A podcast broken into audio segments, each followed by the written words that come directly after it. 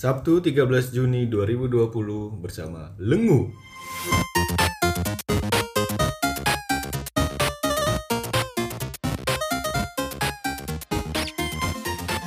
Oke, gua Wan Wan. Gue Lerkut, Gua Gesul. Aku Cancan. Jadi intinya kita jam setengah dua pagi di hari Sabtu ini mau ngapain sih?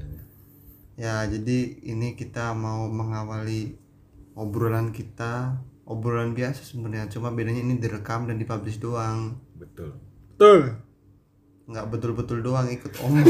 Ini gua pengen ngomong tapi mau ngomong apa? gue ngeri ini. Jadi intinya kita ingin bernostalgia ya. Iya. Karena kebetulan kita berempat berasal dari dinasti Ming. Ming. Goblok. Sama cau-cau dong. Musuhnya ini apa? La, lu, lu, Sunjian, sunjian. Lu, lu, lu, musik lu. Subuh yang ada dinasti warrior masih bulu ayamnya dua. Cukup. Ya, balik lagi. dinasti pendidikan yang sama ya. Dari kota pendidikan yang sama juga, Purwokerto. Orang apa? Orang apak orang kepena. Kagak ada yang jawab. Jadi intinya kita mencoba bernostalgia, berbagi cerita pengalaman kita selama di Unsut Unsut, ya. Purwokerto. Ya, mungkin Betul. mungkin sambil sedikit ngasih tips-tips nih karena kita ini udah banyak makan asam garam. Asam garam manis. Garam asin. Garam Pak. asin, Pak, garam asin. bener. Yang asam itu ketek lu. Iya. Dan siapa tahu juga pendengar kita alumni Unsut ya kan.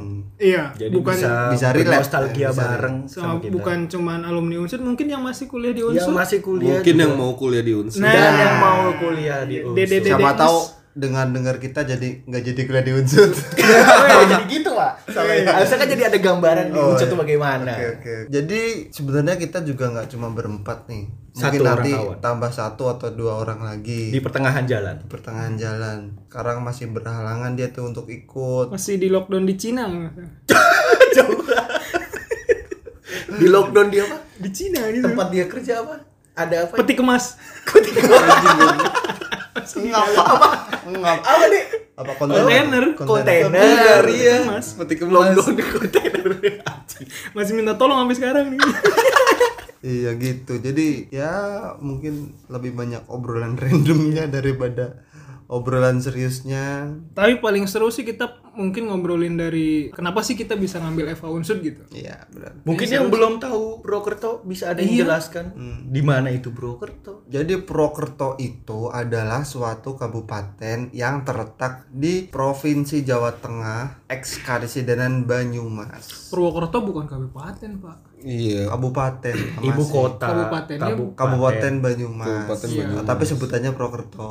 Iya. Terkenalnya Purwokerto. jadi intinya tuh Purwokerto tuh kota Purwokerto Masih kabupaten, masih Kabupaten Banyumas. ya begitulah. ya begitulah pokoknya Intinya- menjelaskan Purwokerto itu sedikit ribet ya Intinya kalau lu ngomong Purwokerto ya Banyumas. Iya. Ngomong Banyumas pasti identik dengan Purwokerto. Purwokerto. Walaupun nanti ada wacana akan dipisah. Purwokerto jadi kota madya dan Banyumas jadi kabupatennya.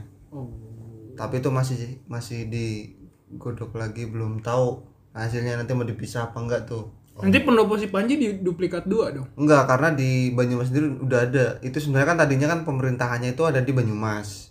Di lapangan itu ya. Alun-alun itu. heeh. terus Masjid Agung itu. ya, terus dipindahkan ke kota Purwokerto. Tapi pemerintahnya masih pemerintah Kabupaten Banyumas.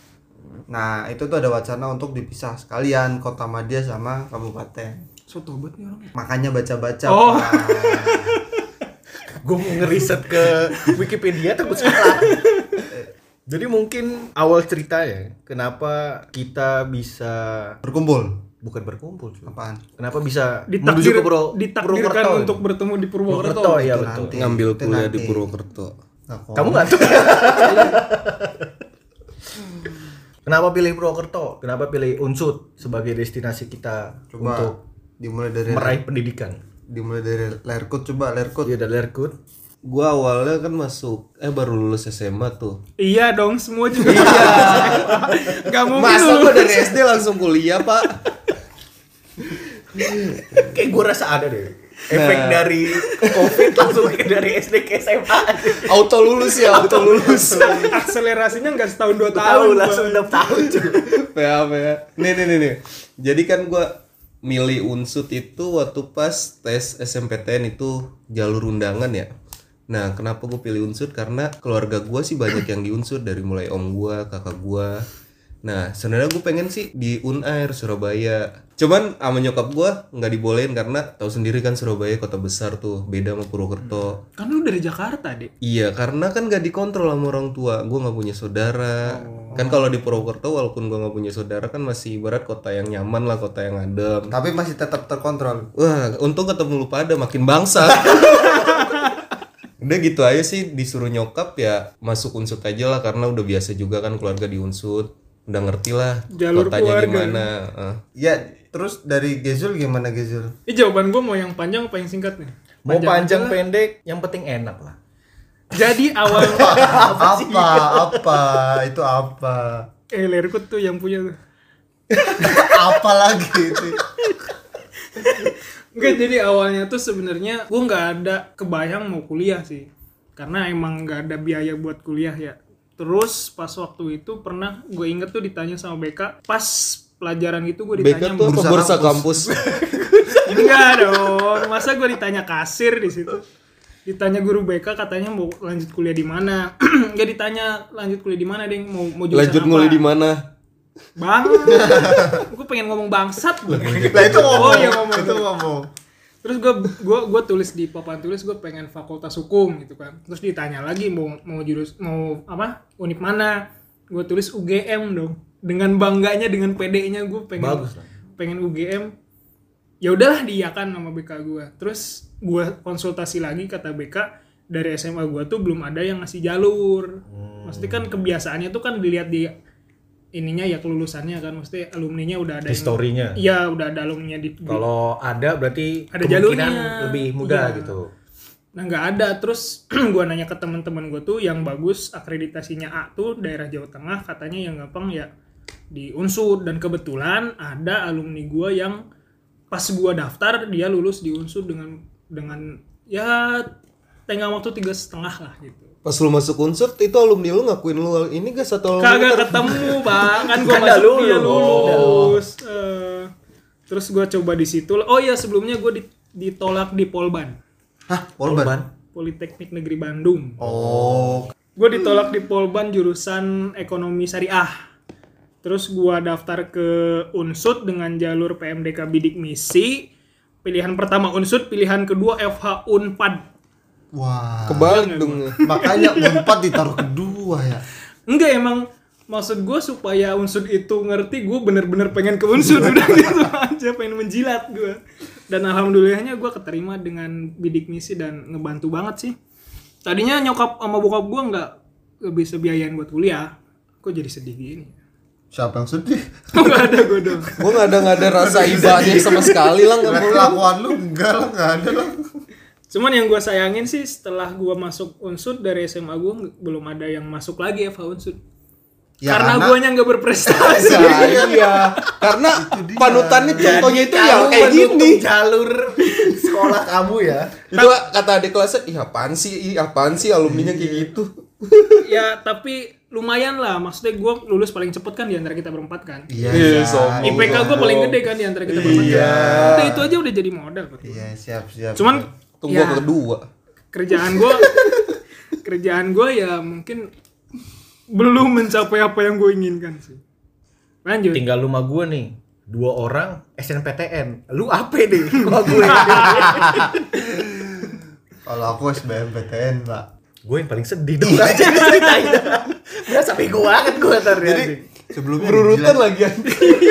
iya bisa buat tadi paling tinggi ke rendah loh bang. Sebelumnya nih dijelasin dulu ya. Jadi waktu angkatan kita nih jalur masuk kuliah tuh Ada banyak. ada ba- ada berapa ya berarti SNPTN, SNMPTN, SBMPTN, UE, eh, Ma- Mandiri. Mandiri terakhir. Oh, Mandiri terakhir ya. S- SNMPTN, SBMPTN. Ada sebelum mandiri tuh. Apa ya? UMP. UM. UUM apa? UM ujian mandiri, Ujian. ujian UM, yang ujian nasional, UM itu yang nasional. UM itu yang regional maksud iya sendiri. benar iya. Oh iya, UMPTN. ada ada ada ada empat empat. Yang undangan itu nggak tahu sekarang namanya apa ya karena berubah-berubah mulu ya. SNMPTN. Dulu tuh waktu angkatan gue yang pertama tuh SNMPTN. Itu tuh yang pakai nilai rapot. yang undangan Yang Itu katanya orang-orang terpilih. katanya Kita dong, Bang. orang pintar Yoi.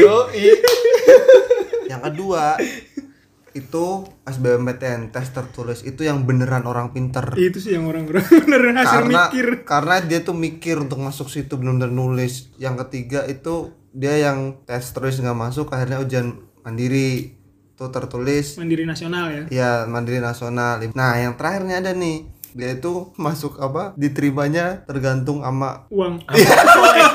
gue pikir amal soleh tertulis nggak sih tes juga sih tertulis tuh. Tertulis. tes juga ya lu mandiri SBM pak oh lu SBM SBM pak Majaji. Sorry kita bypass. Kita kan pinter dari SMA. Bypass, Iya. yoi. Kita diundang langsung oleh Unsud loh. Nah balik lagi. Jadi kalau aku kenapa Purwokerto? Pertama karena deket ya dari rumah ya. Karena rumahku kan Purbalingga. Terus sebenarnya itu awalnya gini. Aku tuh awal kuliah tuh dari Awal kuliah. enggak maksudnya awal milih milih fakultas hukum itu udah dari kelas 2 SMA kalau nggak salah. Karena aku pikir ini biar aku nanti kuliahnya gampang, aku harus cari jurusan yang sesuai sama lingkungan keluargaku. Mbahku dari lingkungan hukum.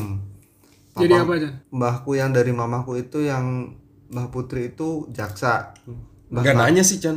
Kan aku lagi menjelaskan. kan lagi menjelaskan Pak. Kan gue yang ditanya? nanya. Ah, Mbah kakungnya hakim. Terus tanteku ada yang jaksa, ada yang hakim. Omku alumni sarjana hukum juga. Wait, Chan. Ini ada cocok nih kalau tinggal satu peran lagi nih. Apaan? Tersangka. Yang dihukum ya?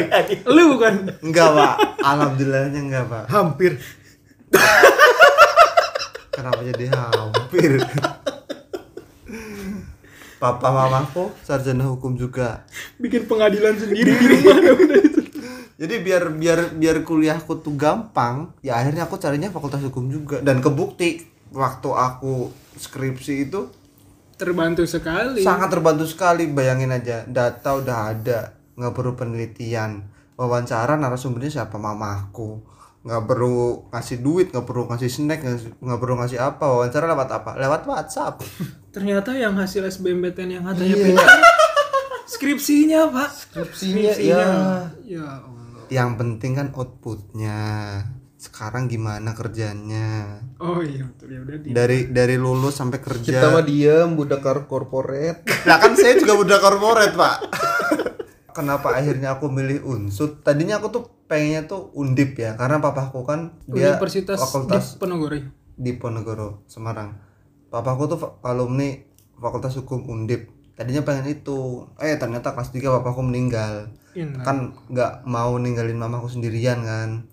Dikasih pilihan sama mamaku kalau kamu bukan dikasih pilihan sih sebenarnya Diarahkan. dia terserah aku mau ke mana cuma Lu Kan- tega ya.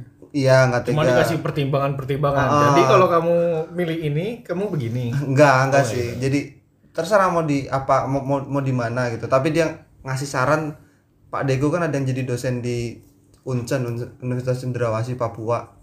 Eh Jauh. Unipa Unipa. Universitas Papua. Universitas Negeri Papua. Nah aku ditawarin kamu kalau mau di luar di sana aja. Tapi kan aku mikir ya ke sana aja pesawat 4 juta. Iya. Bolak-balik 8 juta. Berarti tandanya nyokap lu nggak pengen lu balik sebenarnya. Berarti nyokap lu itu memberikan kebebasan yang diarahkan. iya iya iya. Akhirnya aku beli unsud yang deket juga kan. Eh ternyata lolos di SBMPTN yang memang buat orang-orang yang beneran pinter. Jadi gitu kalau aku. Kalau kamu gimana Wan? Belum-belum udah menghela nafas aja. Terkadang saya nggak tahu mau ceritanya kayak gimana. Cukup menggelikan. Cuman gue bikin dramatis sedikit lah. Boleh, boleh, boleh. intinya gua tuh terlalu idealis. Gua tuh bukan awalnya nggak suka sama hukum. Bukan nggak suka nggak begitu tahu. Yang gua suka dari SMA tuh sebenarnya ekonomi. Makanya tujuan gua pas SBM itu ngambil ekonomi di Unpad. Ekonomi pokoknya Unpad. iya ekonomi Unpad. Iya kan? Gua terlalu idealis Wadaw. banget tuh sampai apa tes tahap yang ketiga itu gua masih idealis tuh. Idealis banget. Pengennya ekonomi ekonomi ekonomi. Karena gua waktu itu kelas 2 SMA tuh seneng banget sama ekonomi. Makanya gue paksain tuh. Di Unpad sama di mana satu lagi ya? Di Solo. Solo tuh UNS ya. tuh gue paksain tuh dua itu. Nggak dapet. Pas jalur terakhir deh. Temen gua ada satu SMA juga dia ng- ngambil di unsut ya udah gua bareng tes bareng sama dia. Akhirnya Ekonomi. Hukum hukum langsung. hukum unsut langsung Kenapa lu nggak ngambil ekonomi unsur? gua waktu itu mikirnya karena ada temennya pokoknya kalau gua berbeda sama jalan pikir gua gua cari temen gua tipikalnya begitu soalnya gua nggak mau berjuang sendiri di area yang berbahaya Mencari kawan. iya mencari kawan gua Tapi gitu masuk juga di Fakultas Hukum Unsur temanmu itu. masuk juga Lulus juga sekarang. lulus Lebih cepat. Lebih cepat gue. Jadi alasan gue diunsut karena gak ada pikiran lain. Dibilang terpaksa. Enggak. Dibilang pengen juga. Enggak. Hidup enggan mati tak mau. jadi buta gue tuh. Purwokerto buta. Cuman gue tesnya waktu itu langsung diunsut jadi sendiri gue berangkatnya. Jadi Itu ada kan gambaran sendiri pas Berarti kan datang ke Purwokerto. pas tes itu berapa hari sebelum kita pendaftaran ulang kan? Iya seminggu apa dua minggu Semingguan gitu kan? Ah, seminggu apa karena dua emang minggu karena emang jalur terakhir ya. jalur Iya, terakhir mepet banget. Berarti lu abis itu nggak balik lagi langsung balik sempat balik Oh, sempat. sempat balik baru bar ke Purwokertonya bareng orang tua sekalian Duh, pindahan kita setelah keterima nganggur dulu ya. Iya. Berapa bulan itu? Kita kita ngeliatin orang-orang yang kalian berjuang. enak Iya. nganggur tapi sudah tenang dah udah Nah itu kita ngeliatin orang-orang yang berjuang. Aduh susah banget ya kayaknya ya. Kalau aku kalau aku kita diundang? kalau aku pas nih nganggur nggak terlalu lama, mikir juga nggak terlalu lama karena di tengah-tengah. Tapi lu lu pada seandainya kalau misalnya disuruh kuliah lagi ada gak salah satu kampus impian lu di Indonesia ataupun di luar itu?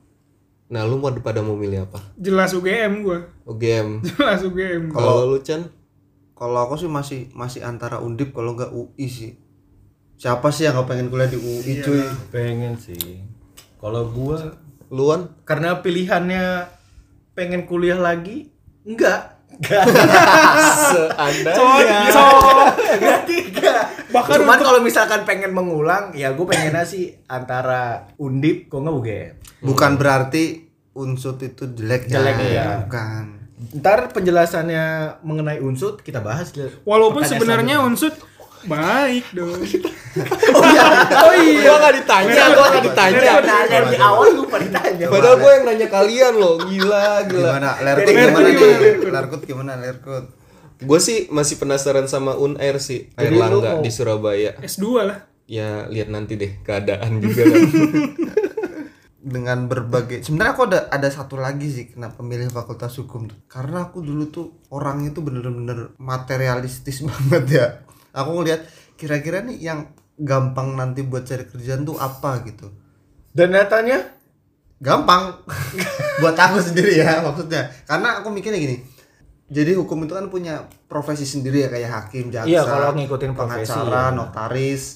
Itu kan punya punya profesi sendiri ya dan kalaupun misalnya kita nggak bisa di profesi itu kita masih Kita masih dibutukan oleh masih perusahaan-perusahaan. dibutuhkan di semua perusahaan gitu. Nggak ada perusahaan yang nggak butuhkan orang hukum gitu. Makanya akhirnya aku pilih hukum dan kalau misalnya ekonomi pun sama ya. Tapi kalau ekonomi itu kan rumit ya buat aku. Aduh dengan otak yang seperti ini kayaknya susah deh. Akhirnya ya udah nih hukum nih kayaknya bisa di di di mana pun nih harusnya nih karena ada ada orientasi ke situ nggak sih dulu waktu awal atau emang cuma ya coba-coba aja atau gimana Gua ya, kalau gua tuh lihat dulu ada kasus kalau nggak salah nenek-nenek atau kakek-kakek gitu, yang dia ngambil mencuri sesuatu hanya untuk dia makan. oh buat coklat Nah, ter- ternyata dia Tapi kan itu dihukum. kasusnya ketika kita kuliah. Ada sebelum itu tuh masih ada lagi, tapi gue lupa kasusnya apa yang menurut gua menurut hati nurani gua ya dia emang berbuat salah. Cuman kan nggak nggak kayak gitu caranya. Maksudnya bisa diomongin dengan baik-baik tapi malah dimasukin ke jalur hukum. Niatnya gue tuh pengen membantu hal-hal yang seperti itu gitu. Cuman mulia Tapi sekali. Anda ya, setelah lulus melakukan jadi seperti itu. budak korporat, bukan pembela keadilan. mungkin mungkin Tuhan mungkin Tuhan masih belum ngasih jalan gue buat ngebantu orang-orang sih. Sebenarnya sih bisa gue kalau emang niat pengen nerusin itu ya gue tuh pengen pengen bantu mereka tuh bukan dalam segi kita sebagai advokat atau peng- peng- pengacara ya. Gue tuh lebih pengen ke si pemutus gitu loh. Hakim lah gitu. Cuman ya berhubung jalur untuk masuk ke situ susah sekali dan saya sudah melewatkan jalur itu mungkin dibuka beberapa puluh tahun lagi ya pindah haluan hidup saya sekarang seenggaknya gue masih bisa ya membantu orang lah gitu aja. Gue pengen ada pertanyaan sini dulu tuh gue pas pertama ke Purwokerto inget banget gue gue ikut nebeng di tempat teman gue baru datang terus gue diajak ke tempat makan dan makanan pertama kali yang gue cicipin di Purwokerto tempe mentah pak. Mendoan. Gue sebagai orang Sunda yang baru ke Purwokerto dan baru merasakan namanya mendoan aneh buat gue Berarti hal pertama yang lu lakukan di Purwokerto makan mendoan Makan mendoan. makan mendoan baru banget datang Tahu nggak kenapa itu dinamakan mendoan? karena Karena mendo-mendo dipangan. Mendo itu Oh, kayak setengah matang, masih basah gitu. Berarti yang Makanya namanya mendoan dan bentuknya itu masih masih masih lembek itu. Enggak yang kalau digoreng kering kan kayak tempe ah, tempe kayak goreng tempe Goreng goreng jadinya. gitu kan. Ini makanya udah dimakan. kecap. Tapi kan enaknya luar biasa kan. iya gue malah malah ya. ke ke sana sananya gue malah doyan Hmm, gitu iya. apalagi campur ke Kecap. sambal kecap Makanya waktu aku pernah tuh ke Jogja ada namanya mendoan tapi digorengnya kering pak ini mah bukan mendoan Iya, tempe itu goreng goreng. Iya. Di Jakarta banyak kok yang kayak gitu. Iya banyak. itu sih Kalau- pengalaman menarik gue pas pertama kali ke ini sih yang lain mungkin ada. Lerkut, hal yang pertama dilakuin nih saat nginjakin kaki di Purwokerto, entah apa itu makan atau ada hal lain? Gua sih keliling-keliling Purwokerto dulu tuh, mau nyasarin diri gua sendiri di Purwokerto, biar tahu kota itu kayak gimana. Terus inget banget gua ketemu di depan kampus Unsut itu yang di Patung Jenderal Sudirman, itu ketemu sama di grup di grup apa di grup dulu tuh lain ya di grup lain itu Dulu yang masih- calon masih maba Bloodline iya calon mahasiswa baru yang jalur SMPTN terus kita ketemuan tuh. kok gue nggak masuk deh? Mungkin lu nggak gabung kali lang. HP gue nggak dalen dulu. Sedih ya. Kan Ya, dari lu SMA kalau- lu- kan kalau- dari SMA lu eh. cuma lu doang lah enggak kalau kalau lu punya HP yang gabung bisa gabung ke LAN hilang bidik misimu. Iya benar pak. Itu. Oh iya. Iya. oke oke gue gitu sih paling nyasarin dulu gue misalnya ke suatu kota yang baru buat gue gue harus nyasarin itu nyasarin jalan-jalan kota itu sendiri biar gue tahu jalan biar gue tahu kultur itu sendiri di kota itu itu aja sih Wan Wan Purwokerto tuh segitu doang deh, kayak kotak-kotak-kotak. Eh tapi kalau misalnya lu awal, lu pasti Emang nyasar. iya Gua sih, awal iya. sampai Margono mau hampir ke alun-alun Banyumas. Mm-mm, benar sama sih Cuman emang sekitaran unsutnya kan dia cuma kayak Iya. udah ngotak gitu aja kan, gampang bahkan gue jalannya. pertama kali balik dari Purwokerto naik motor gue bingung nyari jalan keluar masuk ke jalur utama lah terus tiba-tiba di, di dokter angka lah terus belok ke mana lah karena sebenarnya pro kayak daerah-daerah itu kayak Purwokerto Purbalingga itu wilayahnya itu luas banget kayak Cilacap gitu wilayahnya luas banget sebenarnya tapi cuma kotanya aja yang kecil yang pusat keramaiannya itu kecil gitu makanya jadi kelihatannya ya segitu-segitu aja tapi ya emang Aslinya luas. aslinya luas Tapi lu pasti nyasar sih banyak perbodennya Purwokerto tuh. nggak usah kalian yang pendatang aku yang orang sebelah Purwokerto aja sering nyasar Purwokerto Banyak perbodennya tiba-tiba lah salah arah. Iya. apalagi kalau ada hajatan di jalan ya kan hajatan di Purwokerto bisa sampai Kenapa lu ikut makan? gratis lah ngamplopnya 2000 Terus kalau Wan Wan ngapain nih pertama nih Yang gue pertama lakuin cari makanan. Gue pertama kali makan itu apa sih yang Gor Satria ke kanan itu loh, yang selalu ramai. Minaga. Bukan, bukan. Satria SS. ke kanan eh ini Gor Satria ke kanan dari mana Dari dulu? arah ini, dari arah Aston, ah dari I arah know dari arah Sambelaya. Spesial Sambelaya. Sambelaya. Itu yang gue pertama kali gue makan. Sembelai yang mana sih lu? yang parkirannya penuh penuh, penuh terus itu itu bukannya es Itu gue liat Google Map Sambelaya. dah lupa gue. Sambelaya. Tempat makan yang bikin gue dan keluarga gue kaget sih. Harga Karena- murah, delapan setengah. Emang Wah, Sambelaya itu- bukannya Sambelaya franchise juga ya? Emang cuma ada di Purwokerto?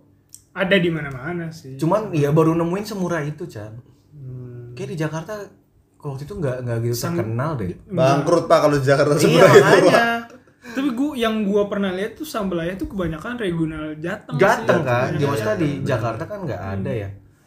Itu murah banget delapan setengah. Waktu itu dapat ST cangkir gede, terus dapat ayam kok nggak lele, menasi itu parah sih. Kalau aku karena emang aku tinggalnya di deket Purwokerto ya, aku pertama kali ke Purwokerto itu dulu waktu SMP kalau nggak salah SMP, Lama sekali. SMP kelas 3 dan itu pertama kali naik motor jauh dan ngomongnya sama papa mama tuh cuma ke kota doang pulang-pulang baru ngomong ma aku dari Purwokerto Iya, kota. SMP lu sejauh itu. Iya, kota kan lumayan aja. iya bener kan Kota kan, Purwokerto. kota Purwokerto. Purwokerto Purbalingga kan lumayan. Lumayan, sejam SMP. iya makanya tapi emang banyak kenangan sih Kangen sih gue, jujur. Apalagi aku dari kecil sampai kuliah lulus di daerah situ-situ mulu ya Sekali ngerantau ke Jakarta loh. kalau ngatro ke Jakarta ngatro Ngatro apa ngatro? Ngerantau. Kamu sudah ngantuk ya? sepertinya iya ini lidah saya sudah pengen beristirahat Sebenarnya sih yang asik tuh kita ngomongin ini sih. Tempat makan favorit deh. PPT. Tempat makan favorit ya. Gue dah satu. Ibu Yuni. Ramesan Ibu Yuni. Mantap banget. Kalau ramesan sih, Murahnya gila. Emang iya sih. Kalau buat ramesan Bu Yuni tuh paling murah. Bu ini tuh yang sebelah mana sih Kamus belakang. Bu Yuni ya Belkam belakang kampus Iya, belakang. Kalau dijelasin pakai rute jalan bingung sih. bingung sih. Pokoknya intinya dia kamus belakang. Pokoknya lu kalau lu nggak tahu tanya dah sama senior senior dulu. kalau makanan hedonnya lang Gue nggak pernah makan head. hilang pak bidding misi kalau nggak ada iya bener bener Tapi kalau ditanya makan hedon gua pernah ya pernah makan di restoran hedon di Purwokerto tuh paling pertama di Table Nine. Table Nine. Hmm. itu juga ditraktir orang. Terus di Red Chili. Red Chili. Red Chili itu namanya. Dan itu juga semuanya ditraktir gua.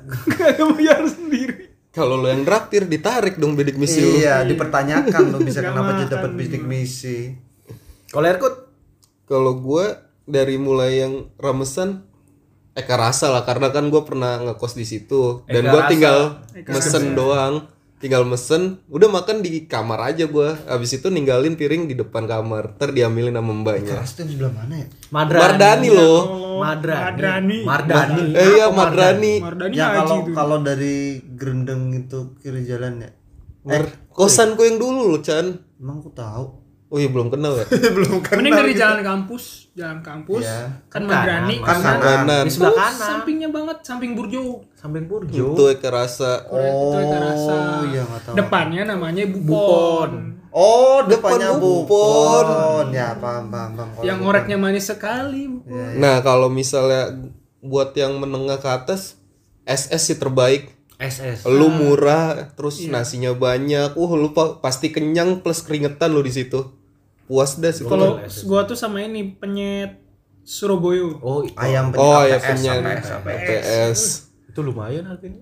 Kalau aku buat ramesan ya karena aku walaupun rumahnya di Purbalingga tapi kan nggak mungkin bolak-balik ya buat makan siang doang ya. Kalau makan tuh aku paling enak tuh tetap di SA tuh. SA 1. Oh, SA1 Oh, Yang di depan, yang jalan di depan. kampus. Oh, jalan kampus. oh Iya itu juga lumayan tuh Itu- satu. nah Tapi- beda sama SA2 Beda Gua tuh yang gang ini ya. apa? SA2 Iya, di sama Mardani. sama Yang masuk. Mardani lagi Makanya beda satu sama dua tapi beda harganya. Iya, ya mahal. Makanya Iya lebih mahal SA2 ya. enaknya di Cuman SA1. emang yang lebih Tempatnya sih itu. lebih ini sih SA2 lebih. Ma- makanannya ya termasuk enak terus murah juga, tuh yang di Iya, SA1. masih lumayan murah. terus sama sami asi bakso wah itu terpaling terbaik itu bakso sami asi itu Soto Sokaraja. gila itu Tapi nggak tahu kalian pernah ke sana atau enggak ya kalau untuk makanan yang apa yang ininya aku biasanya ke sana sama keluarga sih. yang mana tuh di ke mana ini, di Peringgading. Peringgading mana? Atas betul Raden Kalau atas itu Pring Sewu. Gue pernah Peringgading itu ditraktir sama Dekan. Peringgading itu Peringgading itu yang di ini yang di Jalan kota kan yang mau ke dekat pasar. ini deket deket Raja Wali. Iya gitu. oh gua belum Ah, pernah Oh, sih. belum pernah. Lah kita Itu- rapat ya kantong-kantong kan mahasiswa kayaknya itu Iya makanya aku pun ke situ sama keluarga. Wali Tapi itu itu itu paling enak sih menurutku Oh sih. iya. Menurutku paling enak itu di situ. Gue gue sering ke situ sih Chan. Cuman Enak kan? di- Tapi enak dia tuh karena kenapa mahalnya itu karena dia tuh porsinya tuh porsi keluarga gitu. Gitu. Pring Sewu dia masih ini satu-satu apa Satu namanya? grup Satu pring. ya. Satu grup satu. iya sama-sama pring Satu bener-bener rumpun bambu kan iya. Masih satu grup sama Pring Pring Gading. Pring Sewu itu kan yang di Batu Raden.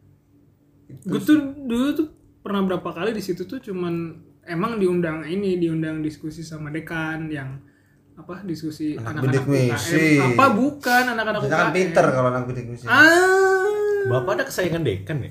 enggak dong Itu kan teman kita yang satunya. Oh iya iya. iya. Yang sekarang terjebak di peti kemas itu. Anak kesayangan Dekan. Yang tiap hari bikinin surat cintamu. Ya Ya terus lanjutin dong ceritanya. one one dong. Iya. Tanyain dong masa belum? Kalian udah pada ngantuk ya? Gue udah, gua udah nanya tadi ya. Wan, kalau Wan Wan gimana Wan? udah disebutin semua ya dari Sami Asi, Eka Rasa. Ada Cuman kalau belum. dari Eka Rasa nih, oh ya ada yang belum. Klaten. Yo, Angkringan Klaten itu the best cuy. Ada. Mendoan bakar itu the best cuy. Angkringan Klaten tuh yang di mana? ya? Itu Jarang- lo jarang- jarang yang semampir. Jarang yang tahu. Sebelah kiri. Sebelah kiri. Dan gue di situ ngerasain yang namanya mendoan dibakar Bakar campur kecap. kecap. Itu Uh, emang spesial. Itu parah. Itu parah. Terus sama itu kulit angkringan paling the best. kulit cuy. kat cut. eh, Kat. kepala ayam, kepala ayam. Kulit kulitnya tuh enak banget ya. Cut.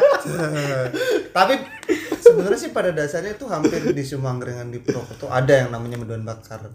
Iya, cuman Di Purbalingga pun angkringan Ada. pasti ada itu namanya mendoan bakar. Kecuali kalau udah keluar Banyumas itu beda udah mendoan bakarnya. Tempe bakar sih sebenarnya.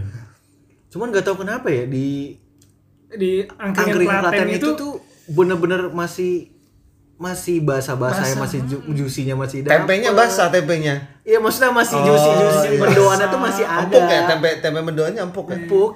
itu tem tempe nggak pakai ika ya. Aduh kan jadi. Cuman kalau Eka rasa sih ayam crispy-nya sih Iya. gokil. Ah gue ininya bakwannya gede banget pak. Iya gede-gede. Lumayan ya. Bakwannya gede banget ya rasa. Tapi Eka rasa yang paling mengesan buat gue tuh ayamnya. Apalagi baru goreng, baru mateng itu gokil. Tapi kalau ada tempat makan tuh yang bisa buat tongkrongan juga tuh. Kalau aku sih si ini burjonya Depan PMK. Maman. Eh, oh, Oh, iya, Burjo Maman. Burjo Maman. Itu udah tongkrongannya anak hukum sampai Mm-mm. sekarang dah kayaknya masih. Kalau kita kan depan Graha tuh. Oh iya depan Oh, Geraha. iya. Mang Kadar. Emang kadang- Mang Kadar itu. Iya depan Aku juga sering ke sana Kadar juga juga. tuh sama si temanku satu lagi yang kos di Sumampir.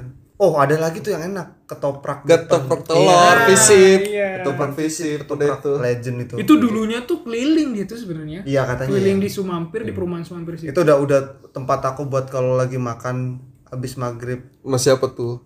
Itu dia makanya itu kalau udah memang lapar banget sama temanku makan di situ. Kalau nggak buat modus ngajak makan cewek, makan di situ. Dan satu hal yang pasti ada ketika lu mampir makan di area visip itu, pengamen bawa gitar bawa sound pak. Itu Oh sih. iya.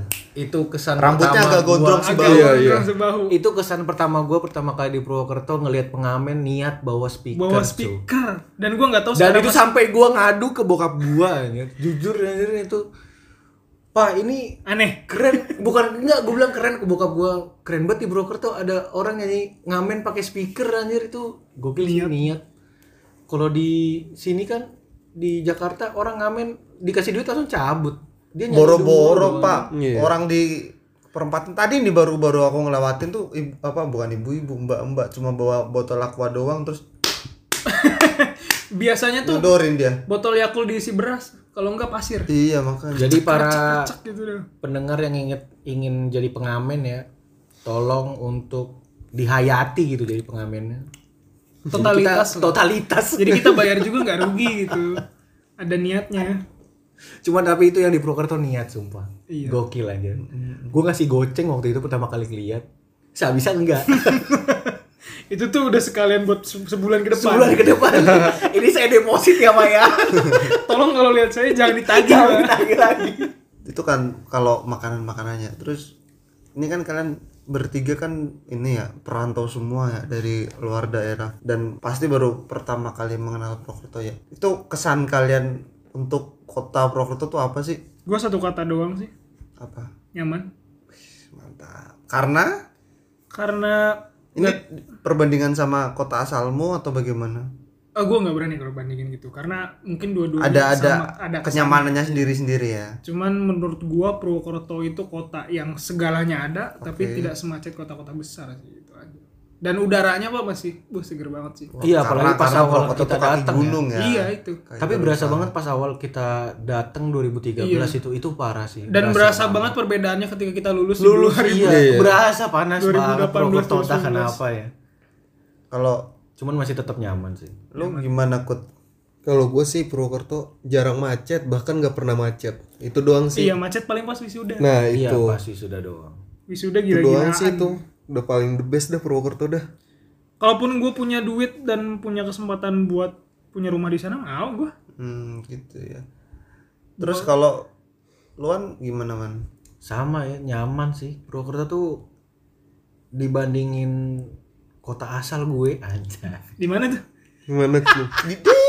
Oh, yang ini apa? Planet lain ya. Planet lah. Itu sih kampret anjing. itu anjing banget pas gua awal masuk ke Purwokerto ya. Anjir itu penyebutan itu gua langsung ngumpet-ngumpet diri anjir. Oh, ini yang Saya tidak berasal dari sana. ini kota yang eh, antara bumi dan bulan. Bulan. Parah sih. Intinya nyaman lah Purwokerto. Pengen balik lagi ke sana tuh, pengen menetap mungkin seminggu dua minggu tuh kayaknya Wah, suatu berkah itu kayaknya. Kalau aku karena nggak begitu beda jauh sama kotaku ya, ya nyaman, nyaman, nyaman. Apalagi banding sekarang, aku udah ngerantau ya. Wah itu kerasa banget bedanya. Kemarin aku sempat pulang beberapa hari. Itu benar-benar kayak yang, wah ini, Refresh ya? ini baru namanya nyaman. Nyaman iya. Iya. Pernapasanku tuh kembali lagi terus Berasa normal. berasa yang namanya mandi itu seger gitu. Seger, loh. iya. Karena di di daerah perantauanku tuh, aduh, abis mandi tetap lengket, tetap Masih tetap keringetan iya, lagi. keringetan lagi terus. Tapi kenapa aku tetap memutuskan untuk merantau? Kalau ditanya mau tinggal di Purwokerto atau Purbalingga nggak mau, mau dengan kenyamanannya mau. Tapi permasalahannya satu, tinggal itu kan kita butuh duit ya. Sedangkan di sana dan di sini perbandingannya untuk penghasilan lumayan, Pak. Tapi emang ada yang gue pernah dengar pas awal pertama kali Purwokerto tuh ada yang bilang Purwokerto tuh emang kota yang Untuk pensiun. ah untuk ya, pensiunan. benar kalau itu aku Kalau setuju. emang nyari kenyamanan, ketenangan Purwokerto the best sih. Iya. Sebenarnya kalau pengen punya penghasilan yang cukup di Purwokerto, bikin dua usaha aja. Mungkin kalau usaha iya ya. Iya. Ya, cuma Usahanya pertama kos-kosan sama warung makan. ya. Sama fotokopi ya. Iya. Ya. Tapi ya itu kan usaha juga butuh modal, Pak. Tetap emang emang idealnya buat hari tua sih ketika Iya, kita iya. udah ngumpulin duit, kita udah ngumpulin pengalaman, udah ngumpulin channel-channel mungkin udah deh kita tinggal berdiam diri, berusaha dan menikmati hidup di Purwokerto. Purwokerto itu sih gokil. Dan yang yang gue bingung ya mungkin karena kenyamanan Purwokerto tuh bikin orang tuh ini nggak tahu ya mungkin benar atau enggak ada cerita yang gue bingung sama Purwokerto kenapa sih warung makan mak- makin banyak kos-kosan makin banyak toko buku tutup pak Serius. iya Kalau itu ada toko buku yang tutup kalau kalau itu mungkin itu sih. mungkin mungkin karena emang kemajuan teknologi aja sih karena kan semua sekarang kan cuma bisa lewat HP mau Gue percaya apa, itu sih. baca Masalahnya Nggak cuma di- perpustakaan di... fakultas kita aja tuh sepi. sepi ya. Itu Kecuali bagi yang para pencari materi untuk skripsi ya. kayaknya itu nggak cuma di tempat kita doang deh yang ada di Purwokerto doang deh kalau gitu makanya terus kan kita udah sama-sama lulus nih. Udah tahu gimana pendidikan di fakultas tercinta kita ya. Dan di awal itu kan kita pasti berekspektasi dong. Wah aku pengen kuliah di sini. Terus berarti nanti kuliahku kayak gini. Terus outputnya bakal kayak gini. Itu gimana? Ekspektasi kalian sesuai apa nggak sama realita yang kalian jalankan Di fakultas kita. di fakultas Jurusan yang kita ambil. Iya. Mungkin ini bukan bukan bukan jelek atau Buruknya, gitu iya, ya, tapi sesuai apa enggak nih sama ekspektasi kita? Atau kesan pertama kita deh pas pertama kita menjalankan rutinitas dari pilihan yang kita ambil. Dan kesan terakhir setelah Iya, kesan setelah terakhir. setelah lulus gimana? Coba dari lu aja deh, Ban. Dari gue ya. Sejujurnya gue nggak ada ekspektasi lebih ya karena bukan minat yang sangat amat gue inginin fakultas hukum. Cuman emang berpikirnya mungkin ada lebihnya. Anggapan orang banyak hukum mungkin nggak banyak main hitung-hitungan ya, penuh hafalan doang. Cuman pas udah ngejalanin sih enak-enak aja fine gitu. Pas orang banyak bilang kita harus ngafalin banyak pasal, tapi gue mikir pas udah berjalan enggak juga. Iyalah, kalau dia palin pasal-pasalnya buat apa? Ada kitab undang-undang. Betul, itu terlalu banyak. Mm-mm. Hakim aja dia kalau lagi berperkara bawa kitab undang-undang juga. Juga iya benar. orang-orang awam tuh yang ngelihat orang hukum itu pada hafal pasal sebenarnya yang dihafal Sebenarnya nggak sama sekali. umum saja Sebenarnya yang dihafalin itu cuma pasal-pasal pembunuhan, penganiayaan, pencurian, Curian, udah itu itu aja, pencabulan. Nah, itu pemerkosaan. Itu. Yang lainnya ya buka buku. buka buku intinya ya nggak begitu sulit lah untuk berjalan di fakultas hukum tergantung baik lagi ya ke personnya aja bisa ngikutin atau ya ibarat kata malas apa enggaknya gitu loh menjalani perkuliahan di fakultas hukum. Cuman kalau di unsur sih masih rada rileks lah. Nggak tahu di di universitas lain. Kalau dari aku sih ya, ekspektasiku kan emang emang maksudku ya, iya karena aku sudah tahu kan bagaimana Prokerto, bagaimana Unsut gitu. Karena memang tinggalnya di kota sebelah ya. Ya kalau dibilang sesuai ekspektasi enggak ya sesuai. Dan emang karena aku udah minat di jurusan itu juga gitu. Awal masuk seperti apa, bagaimana fasilitasnya kayak gimana. Karena emang udah tahu ya memang sesuai dengan ekspektasiku gitu loh. Apalagi dengan dibuktikan aku skripsi sangat terbantu sekali oleh mamaku gitu. Ya sesuai dengan apa yang aku inginkan gitu. Cuma yang sedikit nggak sesuai itu sebenarnya dari aku sendiri sih. Terlalu menggampangkan gitu dulu ah paling gini ah paling gitu ah paling gini. Akhirnya lulusnya termasuk lama gitu. Dari kita aku paling terakhir ya. Iya. paling terakhir lulus ya. Cancan paling terakhir. Aku paling terakhir lulus lima setengah tahun gitu. Itu karena emang emang dari awal aku menganggapnya itu lah paling cuma ya udah yang penting jalan yang penting masuk. Ternyata ya tidak segampang itu gitu tetap tetap harus belajar tetap harus baca baca walaupun memang nggak hafalan semua tapi kan tetap harus baca untuk dipahami gitu. Dan setelah lulus outputnya walaupun di kuliah sering ini aku tuh ngerasa kayak yang ini mata kuliah apa ya? Kenapa susah banget? gitu. Kayak di episode aja. selanjutnya akan kita pertanyakan berfungsi apa tidak Iya, ilmu itu dia. yang kita dapatkan di Itu perkuliahan?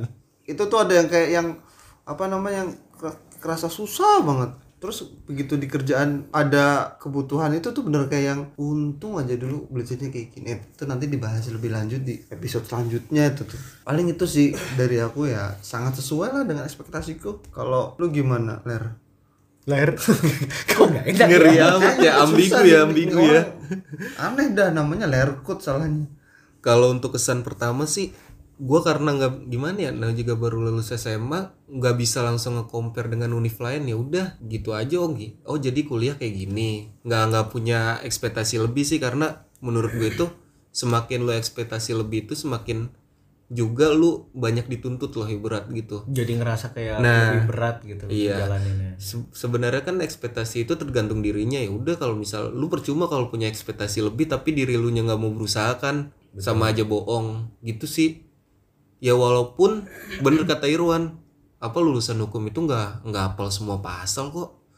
Gue juga bingung kata orang lu jago dong hafalan deh. Enggak kok gue malah jago hitung hitungan nah sama. Itu lagi makanya. hitung duit ya dia ya apalagi itu hitung utang. Nah, enggak sih itu.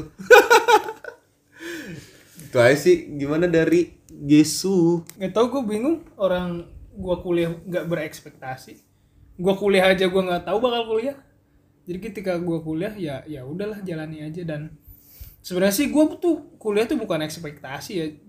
Jatuhnya tuh lebih ke kewajiban. Soalnya kan mantap. bidik misi itu kan wajib 4 tahun selesai dan setiap semester itu minimal harus IPK 3 jadi kalau dibilang oh gua rajin bukan karena gua rajin karena emang udah kewajibannya kayak gitu pak. Kalau gua di bawah itu ya kemungkinannya dicopot bidik misi gue dicabut jadi ya tapi ya syukur alhamdulillahnya sih gua masih bisa ngikutin rules itu dan alhamdulillahnya dari target 4 tahun gua agak lebih cepat sedikit lah 3 3,9 waktu itu. Dan alhamdulillah walaupun nggak kumlot sih itu Tapi doang. nyaris ya? nyaris sekali pak.